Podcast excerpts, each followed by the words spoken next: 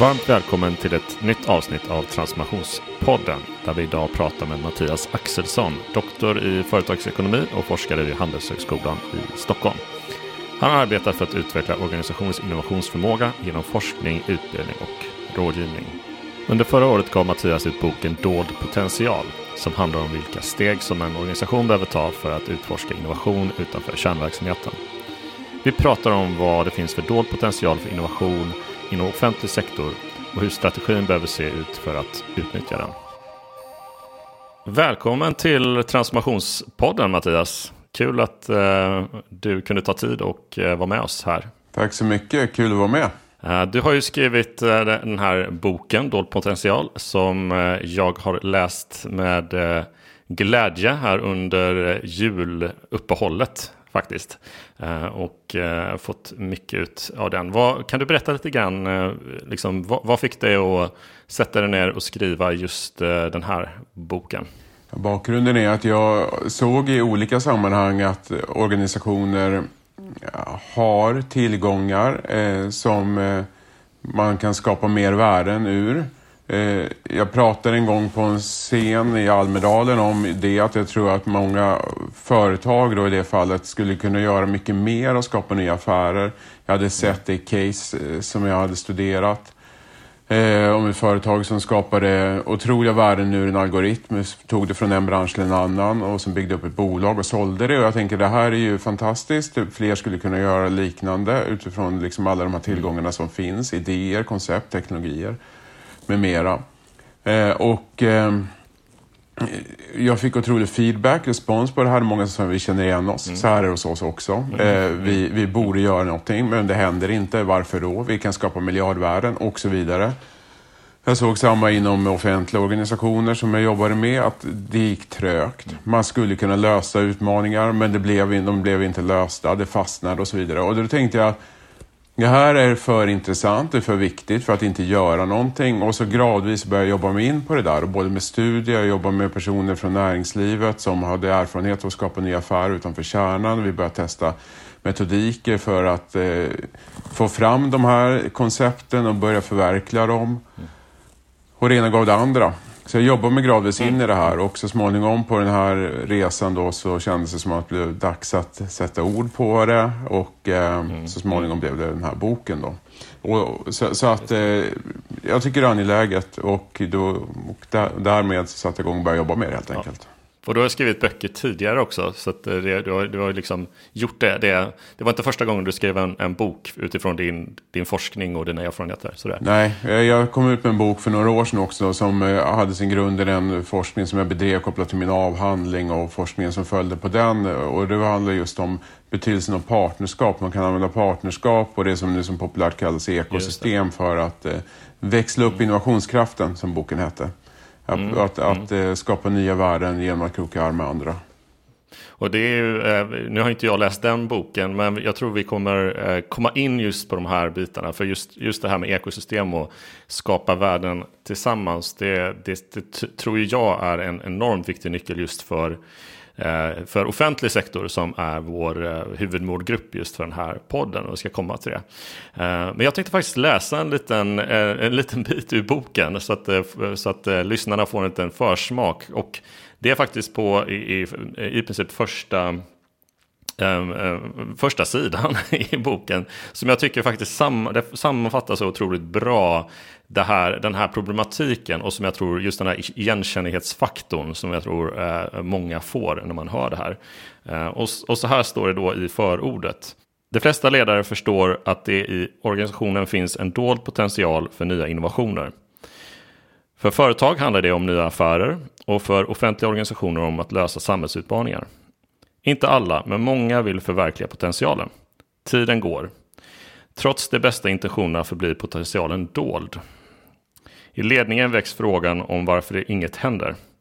Orsaken är ofta densamma. Kärnaffären tar all energi och tid och alla resurser i anspråk. Mer djupliggande är orsaken att idéer utvärderas utifrån den existerande affärsmodellen och då passar den nya inte in och därmed är det lätt att avfärda och avveckla. Dagens kärnaffär fungerar ungefär som ett filter som definierar vad som är rätt och fel, bra och dåligt. Ja, det där har ju du skrivit så du, du vet ju vad du pratar om. Men jag tycker det är en sån här öppnare för, he, för hela boken egentligen. Att, uh, där, där har vi egentligen kärnan till, till, till problemet många sitter med. Man, man kommer inte, uh, man blir blind för potentialen för att uh, den nuvarande kärnaffären är så mycket i fokus. Man, man, man, man kan inte lyfta upp blicken. Exakt så är det. alla sitter i en box.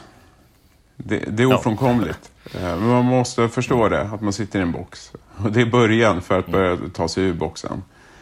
Och, och, och eh, det här är ju ett, det är ett genuint dilemma. Och det gäller snart sagt alla etablerade organisationer eh, som har funnits med ett tag. Eh, och det är ofta, när man tittar på, det finns mycket forskning om det här som tittar på varför går organisationer under? Eh, och då är det precis det. Att eh, man har suttit för länge i sin box och tror att mm. världen är definierad utifrån den outlook man har från den box man sitter i. Mm. Men man ser inte vad som är på väg att hända. Man blir eh, arrogant om eh, sin egen förträfflighet och så småningom så, så, så träffas man hårt. Och för all del så gäller det här också offentliga organisationer. Att man är för trög att hänga mm. med i omställningen i i samhället och eh, därmed respondera med de tjänster som medborgare förväntar sig. Eller att se och möta de samhällsutmaningar som faktiskt växer fram.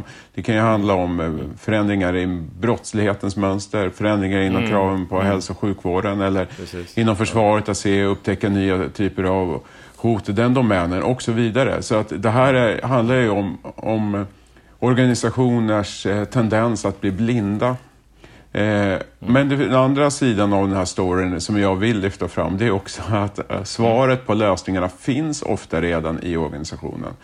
Precis, det finns precis. en otrolig kraft, massor duktiga medarbetare och så vidare. Det handlar om att börja synliggöra det, bygga upp självförtroendet och, och börja få fram den här. Och för mm. att, att hellre vara lite för tidig på kurvan än vara för sen, så att säga, när förändringen kommer. Just det, precis. Ja, det är ju verkligen det som du utvecklar i den här boken. Hur, hur man ska liksom, ta vara på de resurserna och hur man bör tänka för. Eh, och det finns ju som sagt var lite olika strategier att ta och lite vägar fram på den här, eh, på den här vägen att, att kunna utnyttja den här Eh, potentialen. Men eh, om, om, om vi tar då fortsatt i, i offentlig sektor. Vi har ju pratat eh, i tidigare podden också om innovation i offentlig sektor. vad heter det? Eh, i, kontra i, i privata. För att mycket, självklart mycket i din bok är case och så vidare utifrån din forskning är ju på, på privat sektor. Mycket går att översätta. Men vad, vad, vad, skulle du säga är just den approach man behöver ha till just innovation i offentlig sektor eh, liksom, eh, kontra i, i den privata? Jag tror att eh, en viktig utgångspunkt måste vara att hantera den multiintressent eh, situation som man befinner sig i på ett annat sätt ja. i offentliga organisationer. Det finns fler olika intressenter som har legitima eh, röster och, eh, på, på det man gör. Medan i företag så har man eh, för, förstås också många olika intressenter men det finns en annan eh, tydlighet i styrningen. Det finns ett ägardirektiv i de flesta fall som en utgångspunkt och det finns en tydlig också köp-sälj-situation ytterst med kunderna mm. som definierar vad som är värdefullt och inte. Medan det är mycket oklarare i offentliga tjänster eh, där många har legitima röster, eh, styrningar från olika håll. Eh, och, och det är svårt att säga när är vi klara, eh, när är vi framgångsrika och så vidare. Och, och, men min enkla take på, på det utifrån det jag sett i offentliga organisationer, det är just att man, man går lätt bort sig i den här, de här intressentkonflikterna. Eh, och man saknar en tydlighet, att man jobbar sig inte riktigt in i vad är de övergripande effektmålen som vi vill uppnå. Jag tror att det, det, det, går, det är komplext, men man behöver synliggöra vilka är våra effektmål och tydliggöra dem. För om man har tydliggjort det så, så går det att, eh, att, att börja allokera resurser och jobba med innovation på, på ett eh, bättre sätt. Uh, och du, du pratar ju om just det här med den här dolda potentialen för att då, då lyckas med, med, med och, och mer, mer innovation. Eh, kan du, skulle du kunna eh, gå igenom dem lite grann? Du pratar om fyra stycken typer av dold potential. Eh, och de är, de är intressanta att titta på lite grann. Kan du... Ja, absolut. Eh, det är ju en fyrfältare som du refererar till förstås. Ja, jo, det, det, är alltid precis, sådär. Precis. Vi, vi lite... forskare gillar ju att göra ja. fyrfältare. Det är två dimensioner ja. i den. Den ena är komplexitet som kan vara låg eller hög. Och den andra mm. är var finns den dolda potentialen? Är den intern eller är den extern? Ehm, Just det. Och, och eh, om man tar komplexiteten då så, så vill jag understryka att det handlar inte om hur avancerat någonting är utan det handlar mer om hur Nej. många olika delar som är kopplade till varandra och hur överblickbart det är. Ett typexempel är ju eh, stora datamängder är komplexa. Eh, det finns så många kopplingar och ingen kan riktigt överblicka dem. Medan ett eh, enskilt patent är väldefinierad kunskap men mm. kanske väldigt avancerad och nydanande, mm. men den är fortfarande definierad. Eh, och, och därmed är komplexiteten eh, lägre.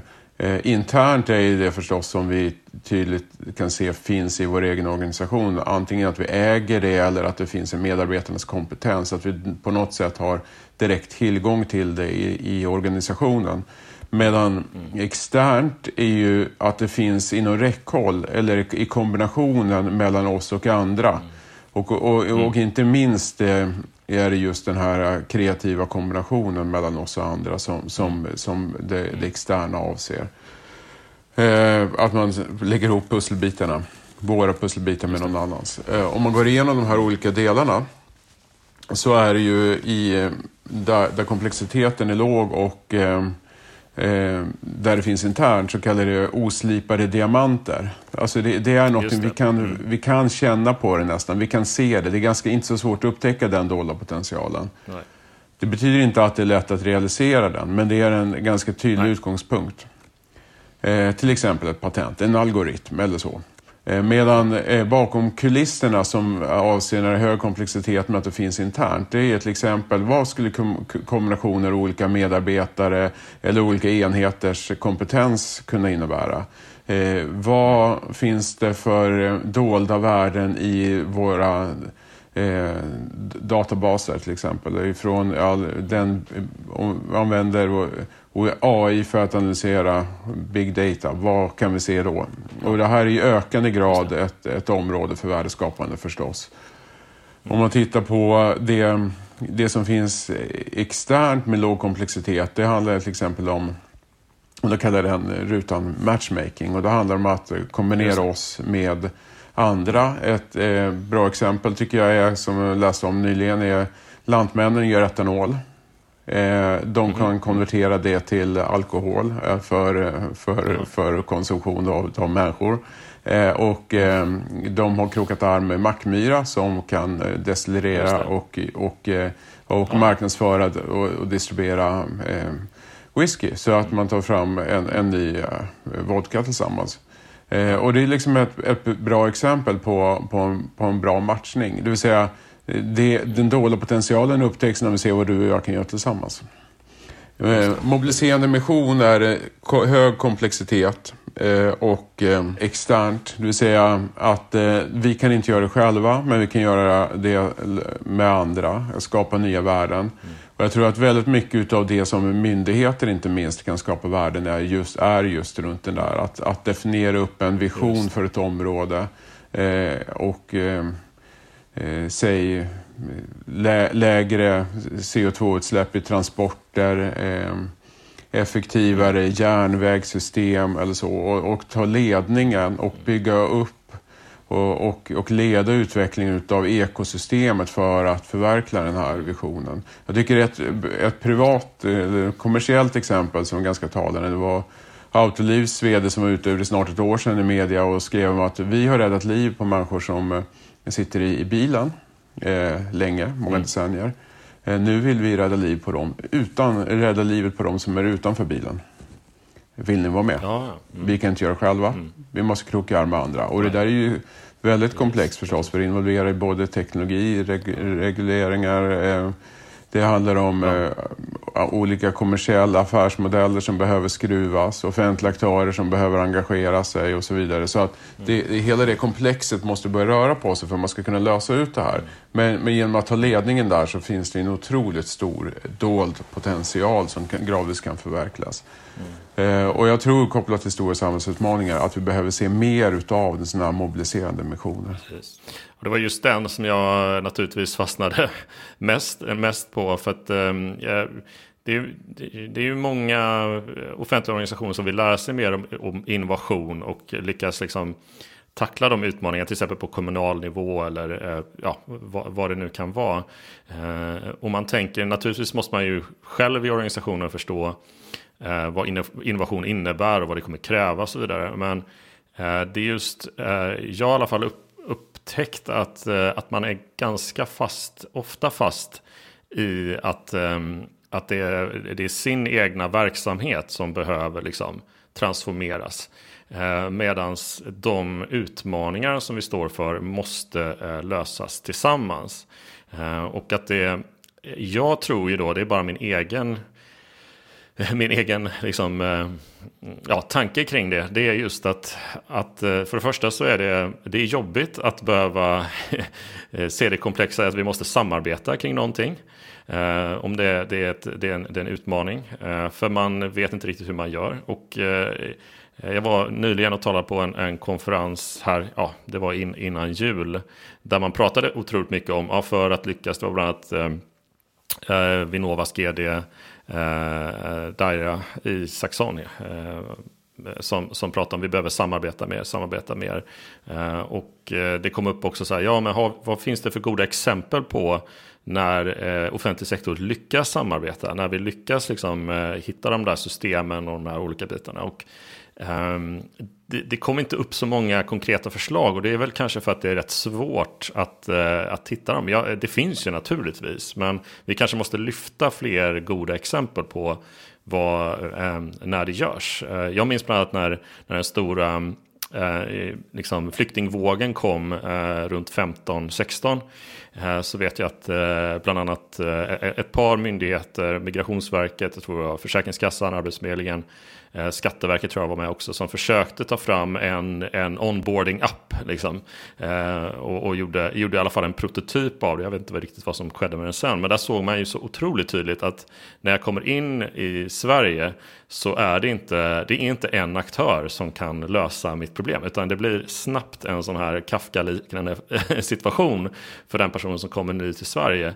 Och då såg man det, men blev mer ödmjuk inför det. Att nej, men här, här måste vi verkligen kroka arm och hitta liksom, olika sätt att, att göra det till en, en eh, process. Och naturligtvis är ju det um, Uh, ja, det, det, det, krä, det, kräver ju lite mer, som sagt var. Det, det, kräver att man går utanför sin box som vi pratade om i början och ser liksom och utgår från vad är det för situation vi ska lösa. Um, Jag håller med. Ja. Mm. Men jag tänker så här, eh, att eh, jag tror grundproblemet som, i det som du beskriver, det är just som du säger, att man tar den egna organisationen som utgångspunkt och inte ja. samhällsutmaningen som utgångspunkt. Nej. Eh, jag tycker mig ha sett några intressanta exempel utan att göra anspråk på att mm. vara expert på dem. Men jag, till exempel mm. hur Sveriges kommuner och regioner eh, tog en ledande roll i Eh, läkemedelsförsörjningen, att hantera den kopplat till mm. pandemin och eh, mm. orkestrerade upp samarbeten mellan olika regioner och distributörer av läkemedel för, för att få fram kritiska läkemedel och hantera den situationen. Man tog en roll som inte fanns och skapade ett nytt system. Så i någon mening en, en mm. organisatorisk innovation för att hantera ja. den kritiska situationen. Och då la man det här vanliga tänket om det är vår organisation, är vi och dem och sånt åt sidan. Fokuserade på uppgiften, det, det här kritiskt, nu löser vi det. Och så många olika regioner steppade upp och var, var positiva och bidrog mm. i det här. Ett annat exempel som jag tycker är intressant som, som fortfarande, som jag förstår det, växer fram och det är Arbetsförmedlingens satsning på jobbtech. Eh, att, att som Eh, att helt enkelt bidra till att skapa, det är lite mobiliserande mission över det, att man sätter sig att mm. att, att matchmakingen funkar inte optimalt på arbetsmarknaden, men genom att bli en integratör av olika digitala system, olika typer av aktörer i, i det ekosystem som arbetsmarknadens parter utgör, olika typer av matchmakingfunktioner och så vidare, skapa den här plattformen där man kan koppla ihop olika aktörer så, så bidrar man ju potentiellt i alla fall till en helt annan effektivitet i, i på arbetsmarknaden. Eh, och, och ge sig på just det samhällsproblemet som gäller matchmaking och, och att människor ska komma till arbete. Eh, och, och det, det, jag tycker det, det blir väldigt intressant att fortsätta följa det. Men jag tror att det, det finns mm. mycket att, att lära av det man har gjort hittills. Alltså oavsett hur det går sen så, så är det föredömligt initiativ. Och det visar ju också hur offentliga organisationer kan organisera sig och bedriva innovation mm. på, på, på, ett, på ett väldigt bra sätt. Ja, men vi har de här två eh, som blir otroligt viktiga då för, för, um, för den offentliga sektorn. Och det är ju bland annat nya typer av partnerskap och sen det du kallar mobiliserande mission eller man säger olika, försöka skapa värdesystem som, som handlar mycket om organisatorisk eh, innovation egentligen än helt eh, helt nya slutlösningar så att säga. Servicen blir bara enormt mycket bättre så att säga för, för, för, ehm, eh, för, för medborgarna. Ehm, jag har ju kommit från ett sånt sammanhang tidigare innan jag började på, på Hello Future som så ett, ett stort myndighets, myndighetssamarbete som började 2005 då kring att starta och driva företag. Och eh, det, det, det sista man eh, jobbade stenhårt på och det gör man ju fortfarande då men sen, sen jag slutade det var att skapa en, en värdemodell ehm, där alla de här i princip eh, alla, alla, alla, som, eh, alla aktörer som, som är med i den processen att starta och driva ett företag eh, involveras i ett, ganska, i ett, ett system att, att bidra med, med nya tjänster. Då. Och kombinationen av vad man kan utveckla tillsammans, både näringsliv, kommun, myndighet, regeringen, ehm, det, det främjande systemet för, för nya företag då, som är offentligt finansierat. Ehm, och eh, den, den, um, den idén kring värdesystem har jag tänkt ganska mycket på också under tiden jag läste din bok. För du har ju ett kapitel om affärsmodell som är, känns också som en så här inte för att säga att det finns nyckelkapitel, det kanske bara jag som uppfattar det, men jag tyckte det var ett, eh, först ett väldigt bra eh, kapitel. Och jag tror just det här med affärsmodell Eh, Eh, är ju någonting som jag också sett under åren när jag jobbat med småföretag. Att man pratade väldigt mycket om affärsplaner, man pratade mycket om affärsidéer och sen så pratade man mycket mer om affärsmodeller för det var mer fokus på hur man ska tjäna pengar på, på sin idé helt enkelt och, och vad, är, vad, vad är de olika Um, vad, vad, krävs i företaget på ett sätt för, för att få det här inflödet då? Och översatt då om man säger till offentlig sektor så skulle man kalla det värdemodell. Jag tror du har ett annat, möjligtvis ett annat namn för det i boken. Eller jag minns helt fel om du kallar det värdemodell. Eller du kallar det verksamhetsmodell tror jag du kallar det. Eller liknande. Jag kanske, uh, kanske skriver också om värdesystem. Alltså jag, ja, det, det, det, det är möjligt. Jag, jag, jag tänker att, att affärsmodeller är ju det bygger på att en affär och man kan problematisera vad är en affär. Min take på det är att det måste inte nödvändigtvis vara en kommersiell affär utan i någon mening för, för enkelhetens skull så kan vi ju hävda att, att eh, även offentliga aktörer bedriver en affärsverksamhet. Att man, I den bemärkelsen att man, man, man löser vissa problem och det är den affär man har så att säga. Men, men, men där, det håller vi inte alla med om utan man tänker med affär att det finns en kommersiell bit i det. Men, men som, precis som du är inne på så handlar ju affärsmodellen om att, eh, att skapa ett system som både ger värde till den som är eh, slutaktören och användaren av produkten eller tjänsten. Men som också att organisationen som, som är, som, eller organisationerna kan det ju vara också, mm. som, som skapar värdet också kan fånga värdet, att de får tillbaka. Mm. Eh, och det är ganska tydligt när det gäller kommersiell verksamhet förstås. Då ytterst handlar det om att tjäna pengar. Eh, en offentlig organisation så är det ju frågan eh, vad man ska få tillbaka. Eh, mm. Men det. det. enkla kvittot är att man har löst eh, samhällsutmaningen. Mm. Att eh, liv blir räddade eller att eh, försvarsförmåga finns eller att Ehm, patienter kan opereras eller polisen kommer ut och så vidare. Men det är en mycket mer komplex fråga eh, att, ja, att, att i, i det offentliga sammanhang förstås. Eh, men det där leder ju till att, att om man tittar på värdeskapande i, i, i offentliga verksamheter så, så tycker jag mig ha sett eh, att just värdesystem är ett användbart begrepp. Mm. För att det sätter fokus på det samlade systemet av aktörer som skapar värde. Och för vissa av de här aktörerna som kan vara kommersiella, för ofta så är det faktiskt så att, att mycket av tjänsterna i offentlig regi utförs har ett inslag av privata företag. Mm. Så ser man ju det att, att um, att det är, det är just den här konstellationen utav aktörer som tillsammans är det avgörande och hur den växer fram. Och det viktiga är att se att det inte är statiskt. Det är nästan ingen som kan tänka ut i förväg utan det är just ett, eh, ett, en, ett, en innovation i sig, hur den formeras. Den upptäcks, men det som är avgörande är återigen, precis som vi pratade om för en stund sedan, att det är fokus på samhällsutmaningen. Jag, jag hade förmånen att för några år sedan tillsammans med en kollega, Joakim Netz, studera försvarets återkomst till Gotland och vi hade just perspektiv på det som värdesystem. Det vill säga att återuppbyggnaden av försvaret handlar inte endast om att få dit ett antal soldater och stridsvagnar och, och den typen av militära förmågan utan det var det samlade systemet där. Det vill säga hur man samverkade med eh, privata aktörer, frågor kopplade till logistiken eh, och uppbyggnaden av de faciliteter som behövdes, få fram mat, eh, sådana saker, praktiska grejer. Samarbete med kommunen för att sätta upp en gymnasieutbildning väldigt snabbt för att utbilda fordonstekniker som skulle kunna serva stridsvagnarna och så vidare. Mm. Så, och det är det här samlade systemet som löser ut mm. samhällsutmaningen att leverera en eh, försvarsförmåga i det, i det territoriet, eh, i den geografin. Och därmed också betydelse för, för Sveriges försvarsförmåga i stort.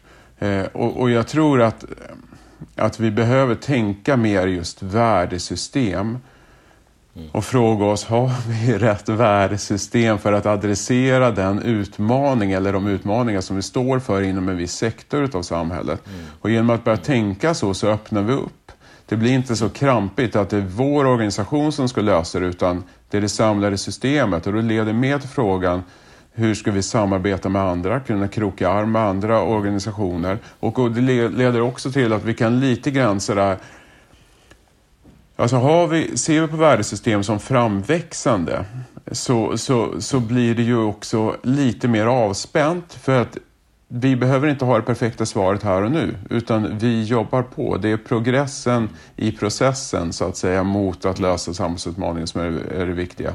Det, det, växer hela tiden fram och aktörer kommer och går, det ändrar sig. Det viktiga är liksom att, att, att det är fart framåt och att, att man, man har utmaningen i centrum för, för utvecklingen utav värdesystemet.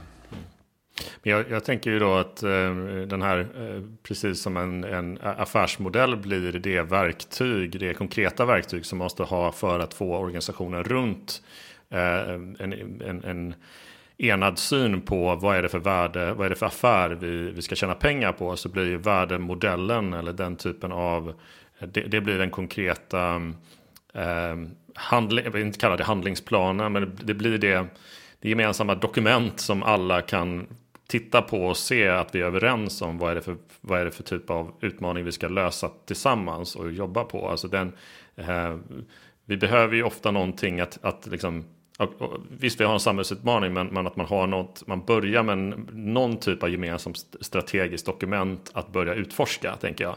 Eh, det är ju den här eh, värdemodellen som kan se på, ut på olika sätt och vis. Eh, men det, det, det, är lätt att, eh, att Ja, att, att missa den, den, den viktiga delen i att skapa en samsyn kring i, i systemet innan man börjar, börjar, utveckla systemet. Eller jag vet inte om jag är ute.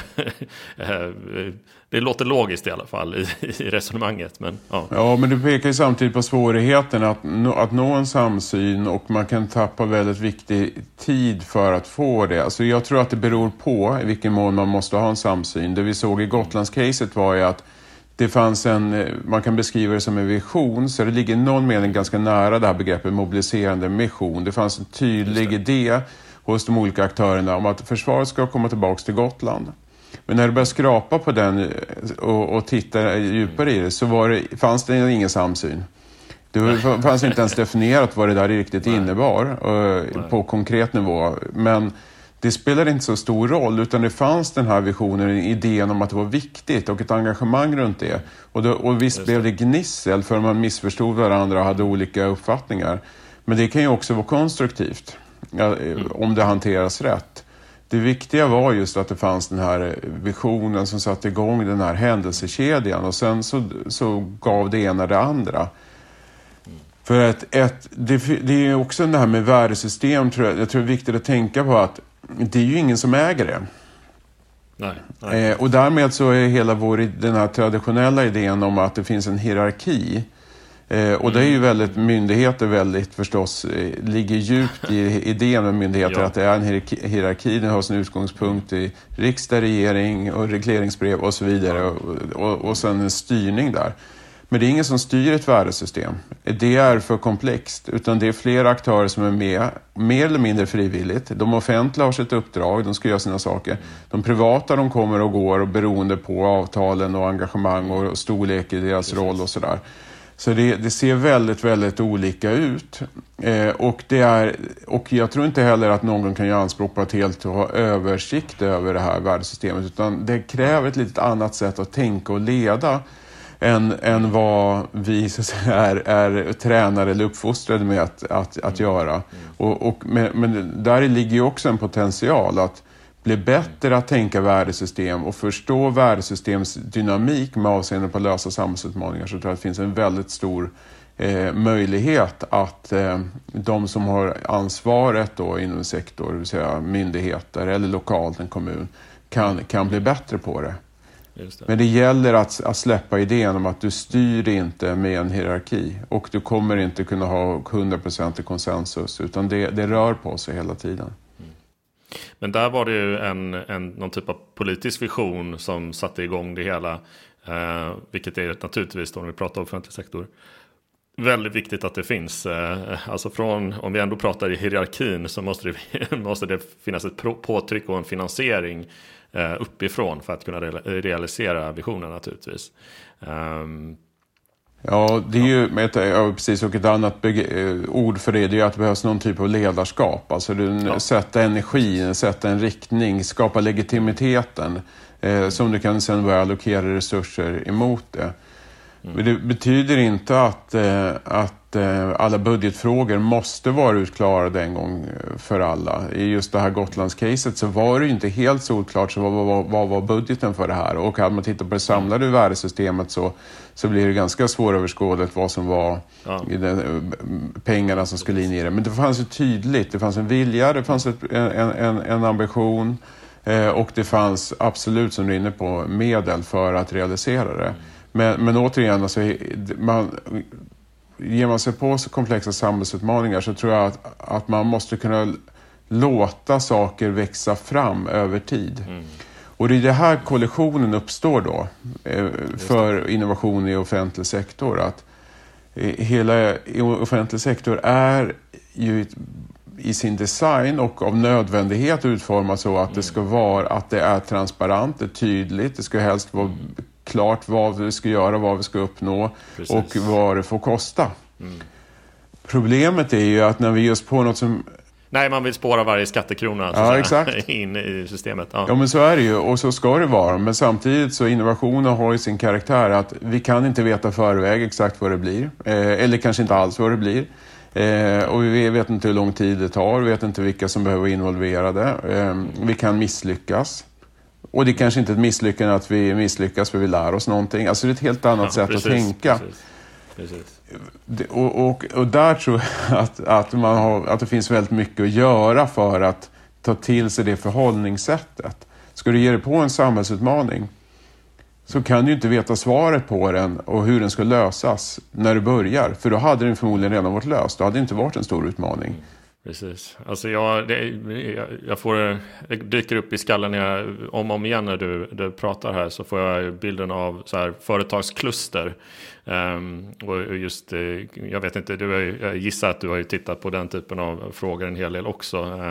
Uh, och det, det ligger lite i min min bakgrund också kring, ehm, kring hur, hur regioner vill främja olika typer av företagskluster. Alltså eh, skapa dynamiska samarbeten inom en viss industri och olika typer av spill, eh, spillover-effekter i, i, i det här klustret. Och det är ju sånt där att man kan ju, det skapas ofta någon typ av klusterorganisation och det finns några olika så funktioner som behövs eh, i den. Men sen är det otroligt mycket som måste bara, på, måste bara pågå över tid. Och, och, man måste bara skapa de här förutsättningarna för att möten, eh, intressanta möten sker och, och synergieffekter pågår. Och då är det ju liksom att hålla det här systemet, det går inte att kontrollera det, det går inte att och styra det i någon viss riktning. Utan, utan det är bara så här, skapa bra förutsättningar. Och så tänker jag också för de här typen av, av, av värdesystem. Att eh, vi, vi behöver lära oss hur vi kan Ehm, eh, skapa transparens mellan organisationer och rörlighet mellan organisationer. Ehm, precis som i företagskluster. Ehm, och eh, veta vilka typer av aktörer som behöver finnas för att hålla det här klustret. Eller systemet då eh, hela tiden igång för att de här nya värdena ska, ska skapas. Um, ja, det var bilden. För jag, jag, ska komma in lite grann på, på roller. Och det, det, tror jag faktiskt att den här klusterbilden, eh, även om vi kanske inte hinner gå in så mycket i den eh, nu, så finns det ju nämligen en, en, roll vi ska återkomma till lite grann. Um, eller det kan vi ta redan nu faktiskt. Jag behöver inte följa mitt, mitt stolpmanus här. Uh, för det var någonting som jag, uh, som jag tänkte på också när jag uh, läste, läste boken. Um, och, och det, var, det är ju kring organisation. Ehm, eh, och, eh, och, och, och, risken att eh, just innovation lätt blir då, man kallar det innovationsteater. Alltså det blir olika typer av verksamheter, man startar upp någon typ av kanske ett utvecklingslabb eller man, man startar upp eh, en innovationsgrupp på myndigheten eller i kommunen och så vidare. Eh, men, men man, man fastnar i det här vi pratade om tidigare då, man, man fastnar i att vi, vi kommer inte förbi det här med kärnaffären. Eh, så det blir bra idéer, det blir bra koncept, men det blir väldigt få saker realiserade. Och där har du då eh, tre, äh, fyra stycken olika typer av, um, av, av vad ska man säga, organisatoriska sätt att, eh, att liksom eh, försöka lösa den här um, um, den här problematiken på. Och, och, absolut så blir ju de fyra olika eh, exemplen löser ju inte allt, utan det är mer som ska till. Eh, men du är inne på det här med, med något som heter Skunkworks, eh, experimentlåda, sourcad affärsinnovation och inkubator då, som är de här eh, fyra olika eh, sätten. Och, och, och, och, som sagt var, hur, hur ska man göra för att undvika att det blir eh, liksom någonting på, bra på, på ytan, någonting som känner, bara en känsla av att det sker någonting till att det faktiskt också blir realiserat. Eh, det är väl lite, lite, lite min tanke här. För, för många av de här bitarna är ju också att, eh, som vi, i bakgrund av det vi har pratat om så handlar det ju om att skapa system och skapa saker och ting i partnerskap. Um, och då kan ju den här typen av initiativ vara saker som får oss att komma samman, tänker jag, och skapa saker ihop. Um, att man inte lägger det in, bara inne i organisationen utan man försöker hitta gemensamma sätt att, uh, att skapa eh, innovation på eller eh, realisera det här eh, värdet. Ja, det, det första jag tänker är att Eh, man, man, man måste ju inse eh, och vara tydlig om att eh, den etablerade, etablerade organisationen har sitt uppdrag och den ska fortsätta leverera på det uppdraget till något annat sägs. Så det är inga konstigheter med det. I den mån en etablerad organisation kan arbeta med innovation så behöver det vara relaterat till det man faktiskt redan gör. Och då landar man i att det är en etablerad enhet, avdelning, eh, kan göra är ofta stegvis innovation, förbättringar, förnyelse inom de ramar som man håller på med. Vilket innebär att man kan pusha över tid kan man komma långt men det blir små steg. Och, och då ligger vi nära det som kallas verksamhetsförbättring och det kanske inte ens är värt att kalla det innovation, men det är värdefullt i alla fall.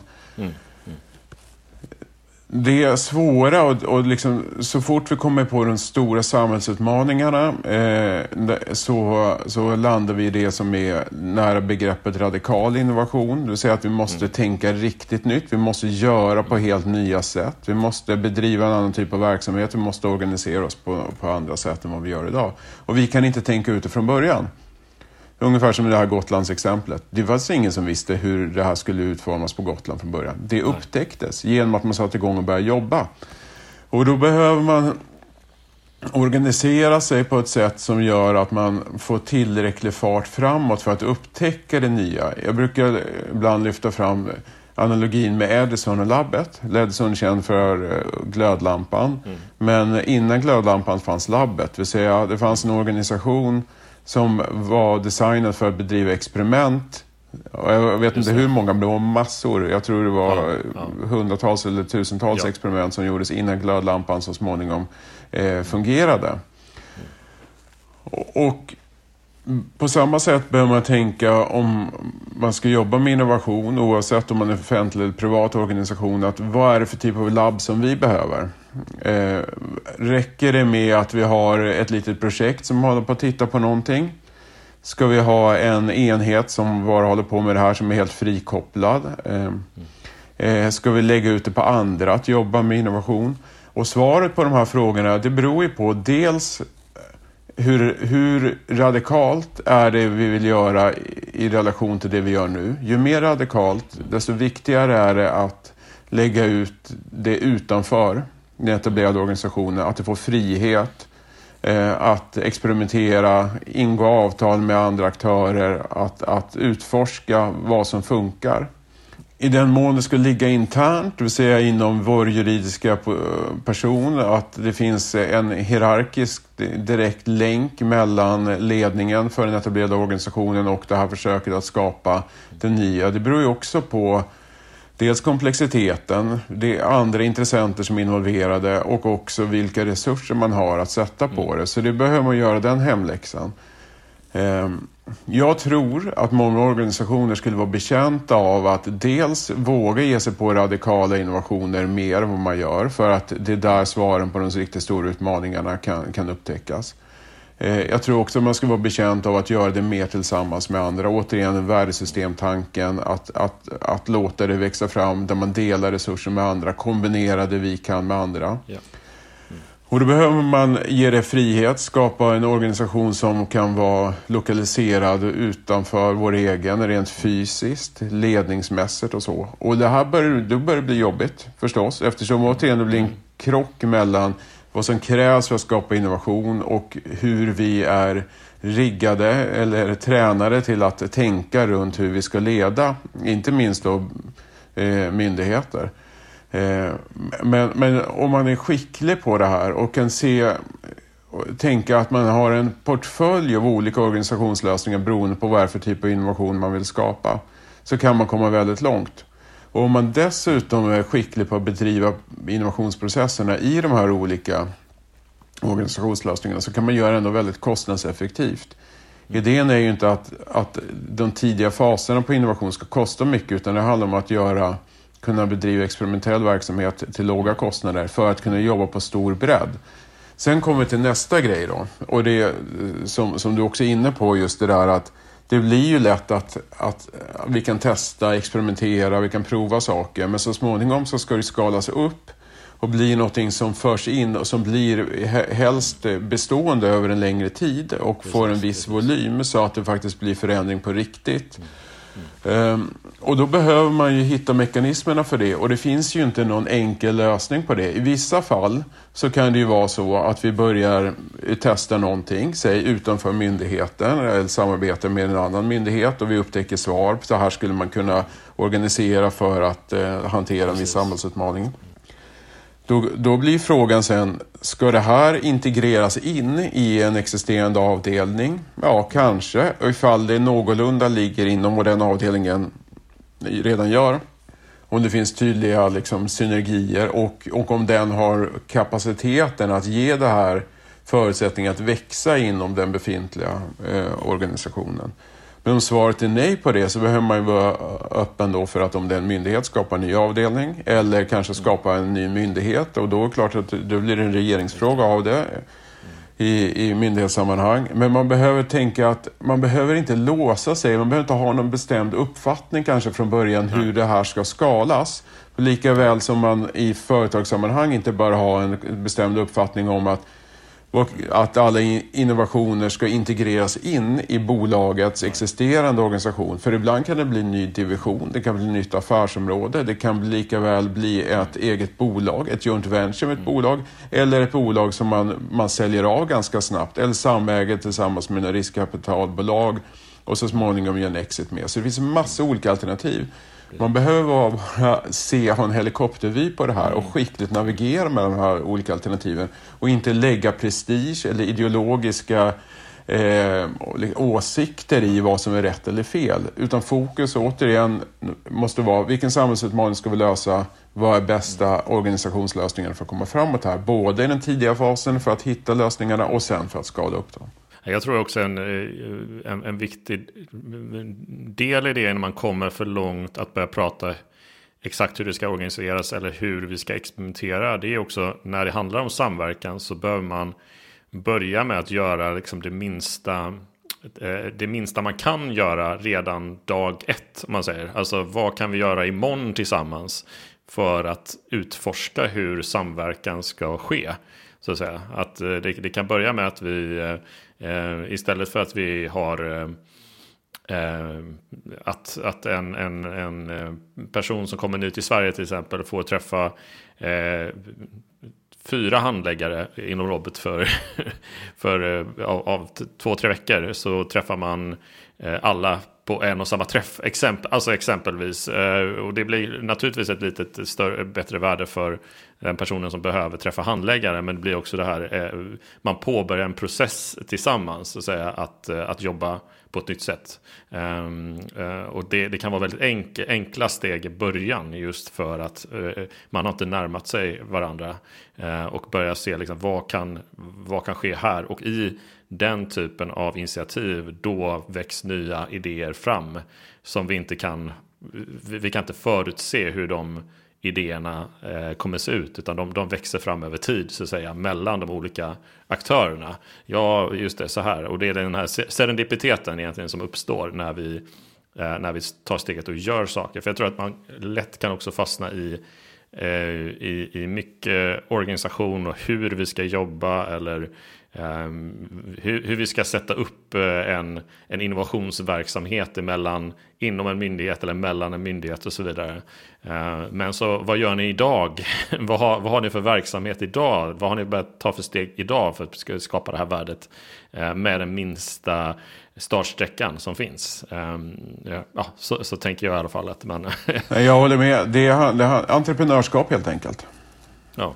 Eh, och fast entreprenörskap i kontexten av offentliga organisationer. Sen med det sagt så tror jag, och tycker mig se också, att det finns en stor potential för offentliga eh, organisationer att vara den här möjliggörande, orkestrerande aktören som, som skapar förutsättningar för andra i ekosystemet eller då värdesystemet runt omkring att bedriva innovation. Man kan, man, kan ju, man kan sätta igång i vissa fall innovationstävlingar eller man kan, eh, man kan eh, eh ta på sig rollen att finansiera matchmaking-möten, initiativ. Mm. Man kan vara en orkestrerande aktör som puffar på olika aktörer för att innovationsprocessen ska komma igång. Man kan vara, myndigheter kan ta på sig rollen att försöka få kommuner till exempel att samarbeta i vissa frågor. Att, så det finns, man, man kan ta den här rollen av att leda innovation inom sin sektor mm. utan för den sk sakens skull bedriva innovationsarbetet inom Nej. den egna myndigheten eller, för en, eller ens vara med och leda själva innovationsprojekten om de, om de nu sker i samverkan med olika aktörer. Utan vara mera just det här, se hur kan vi skapa förutsättningar i våran sektor för att det ska bli mer innovation. Och det behöver inte heller vara särskilt dyrt eh, och kosta så mycket utan jag tycker mig se att det handlar mer om att eh, kunna vara med och eh, ge legitimitet Eh, att en fråga ska adresseras. Eh, skapa forum för att kontakter kan uppstå. Och precis det som du är inne på. Genom att bara göra det så börjar människor som aldrig pratar med varandra kanske prata med varandra. Och där skapas nya insikter som leder till nya projekt. Så småningom kommer de att kräva finansiering, men de har redan kommit en bit på väg. Och där Precis. tror jag just det, att eh, offentliga organisationer har en Eh, kanske man skulle kunna se som en dold potential i sig, att bli bättre ja, på att sätta igång att orkestrera fram innovationsinitiativ runt omkring inom den så att säga, samhällssektorn som man, där man har ett ansvar. Och inte tänka att man ska, för det är, det, det är där man kan, lätt kan gå bort sig tror jag. Innovation kan inte administreras fram, utan Nej. den växer fram. Det är en, det är en, liksom, en process av kunskapsutveckling, utav relationsutveckling eh, som inte kan programmeras i förväg. Men genom att putta igång den så, så kan eh, det offentliga spela en väldigt central roll. Vi, har, eh, vi skulle kunna prata otroligt mycket, för du tar ju upp det mycket i din bok också kring vad det är för typ, alltså typ av organisation, styrning, ledning. Eh, och det är ju nästan som en, eh, en ett, eget, ett eget poddavsnitt, ska jag säga. Men, men jag tänkte ändå så här, eftersom vi har varit inne på det, eh, kring, kring eh, lite, lite nu då nuddat till vilka typ av roll som offentliga kan ha. Och, och, du nämnde det här med entreprenörskap som jag, som jag också tycker är ju eh, väldigt, väldigt, väldigt intressant. För att du har ju en roll, och jag skrev ju det till dig tidigare efter att jag hade läst boken där, att, att um, du, du, du, du, skriver inte ut det kanske exakt i boken, uh, men, men den rollen lyfts ändå fram och det är ju intraprenören. Uh, och Intraprenörskap är ju någonting som, som är, lyser med sin frånvaro.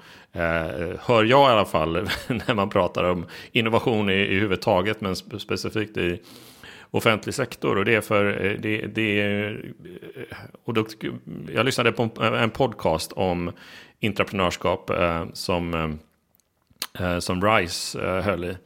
Eh, och eh, man pratar om att det är ganska nytt begrepp och, och det har liksom inte satt sig än. Och eh, jag minns att när jag började på, på, på universitetet för snart 21 år sedan.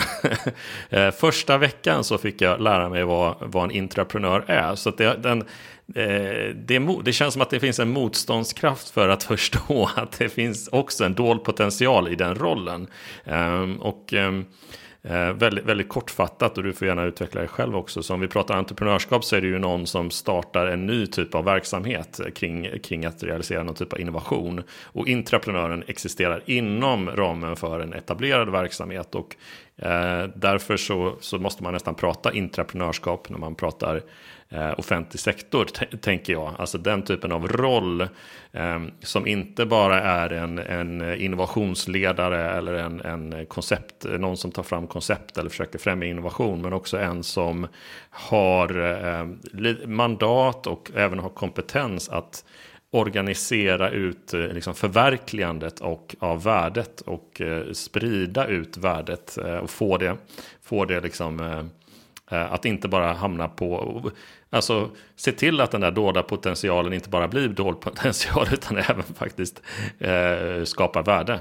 Eh, och eh, där tror jag vi har ganska mycket ändå inom offentlig sektor. Vi har inte ganska outforskat område. Jag tror också det. Jag, jag tycker mig se i litteraturen att just om eh, både innovation, eh, entreprenörskap, för alla entreprenörskap, det finns eh, väldigt, väldigt mycket kvar att göra för att belysa det i offentlig sektor. Mm. Eh, det mesta av innovationslitteraturen eh, är ju inriktad på kommersiell sektor, eh, förstås, företagande. Men för att dra på det du säger, jag, jag tänker att det behövs alltid en intraprenör i då kontexten en, en myndighet eller vilken etablerad organisation som helst som ska skapa något nytt. Jag har haft förmånen att springa på ett gäng intraprenörer i myndigheter. De finns där. Absolut. Det finns det, och det är, ingen, det, är ingen, liksom, det finns ingen brist på dold potential, det finns ingen brist på duktiga människor som skulle kunna realisera dem. Problemet är, är just det vi nyss snackade om, är organisatoriska förutsättningarna för det. Och det har att göra med, du måste ha de förutsättningarna för att få friheten att utveckla, att hitta lösningen och sen skala upp den så att det kan bli något väsentligt. Och det är där bekymret uppstår väldigt mycket i offentliga organisationer, tycker jag mig se.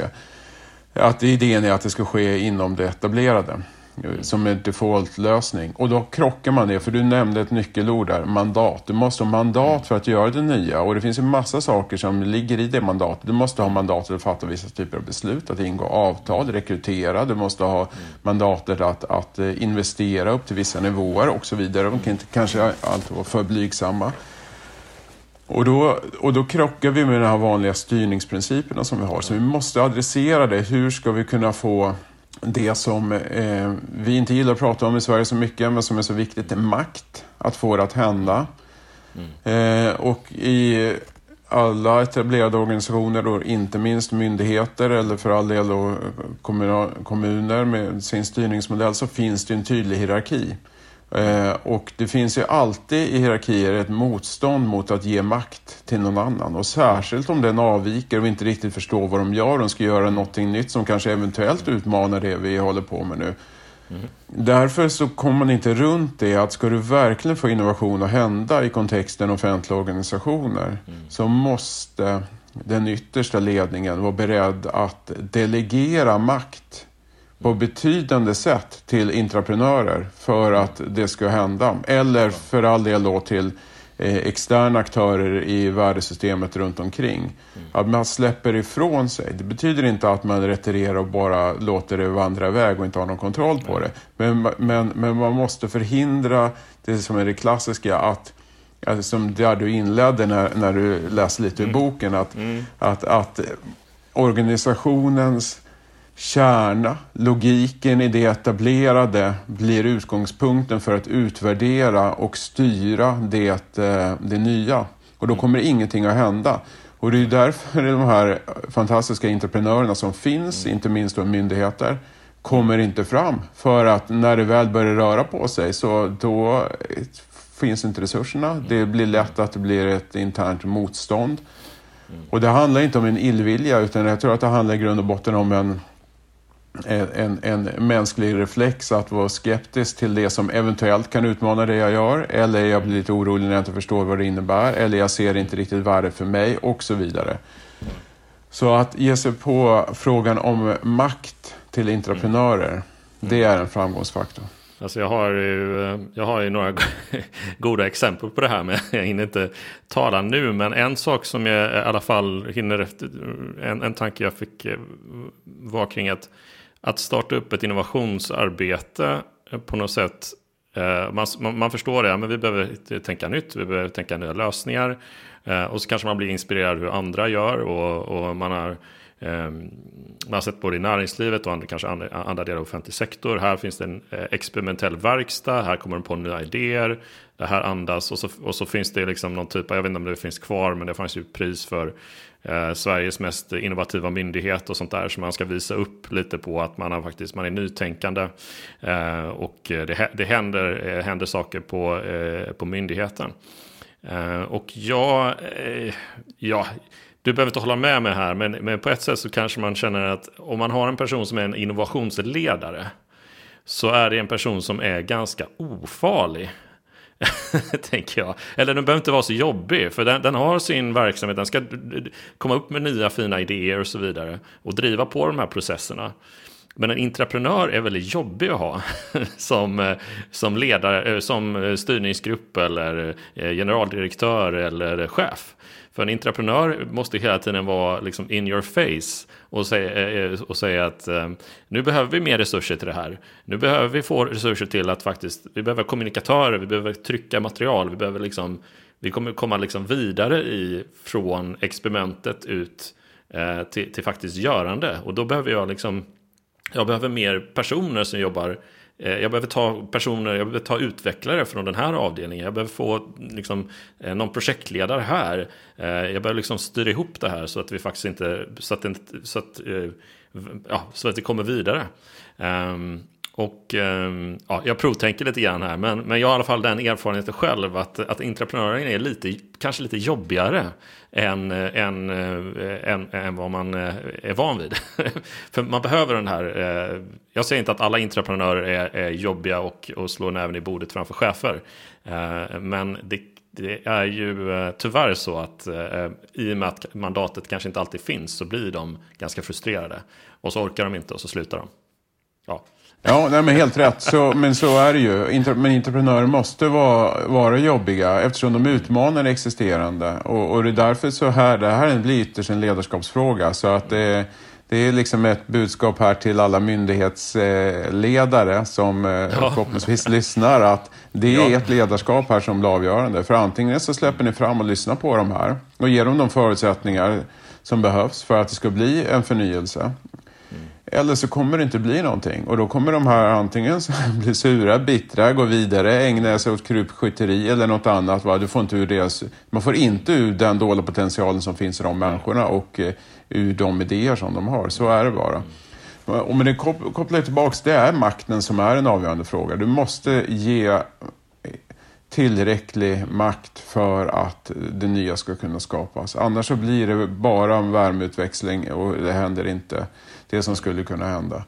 Mm. Det finns något citat av eh, Machiavelli som adresserar den här frågan. Kan, kan inte ja, riktigt rakt av. Men det är Nej. någonting i stil med att innovatören eller den som står för det nya har eh, motståndare alla som eh, representerar det etablerade och få beskyddare i de som tillhör det nya. Så du är väldigt ensam ja, och det är det som är entreprenörens ja. mm. eh, dilemma.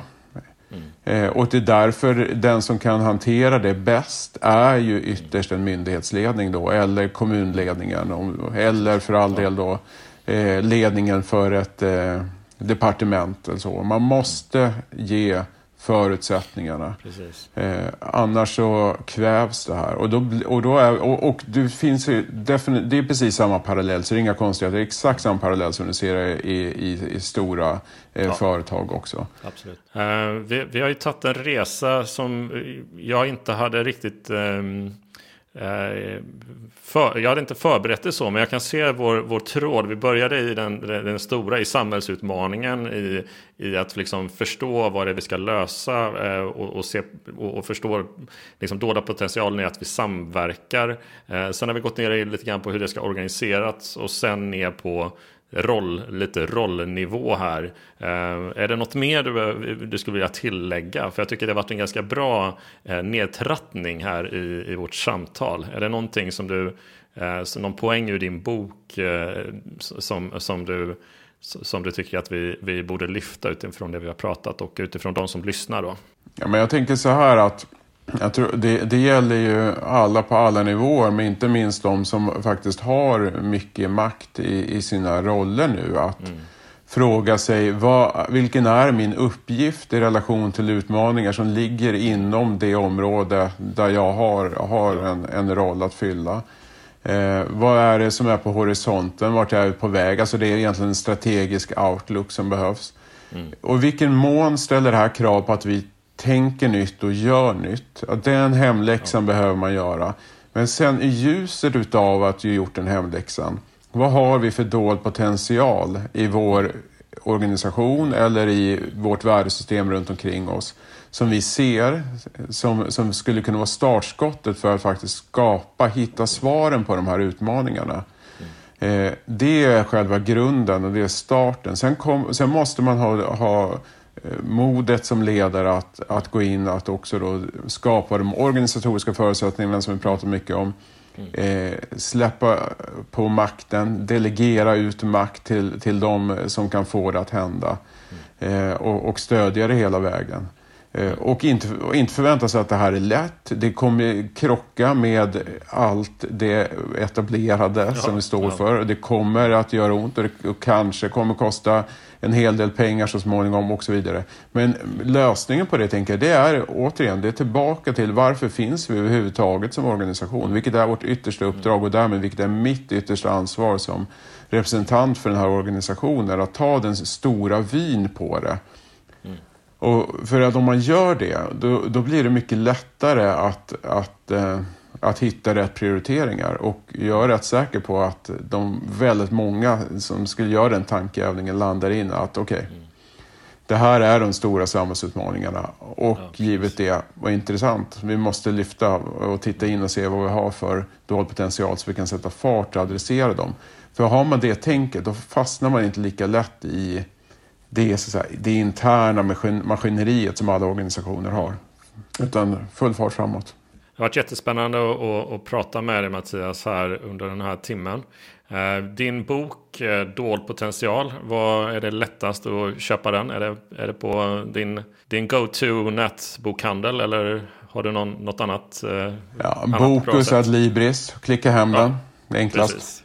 Simple as that. Och det går ju att läsa mer om dig på mattiasaxelsson.se med ett S, eller hur? Stämmer. fel. och, eh, och eh, ja, man kan ju lägga till dig på LinkedIn eh, om, du, om de vill få, få mer kontakt med dig. Och, för du håller Absolut. ju föreläsningar och, och hjälper organisationer på, med, med att utforska den dolda potentialen.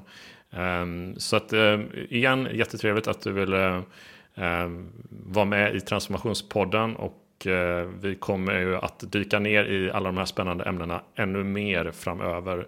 Det, det kan i alla fall jag lova. Eh, så tack så mycket. Ha, ha det gott. Tack så jättemycket. Kul att vara med.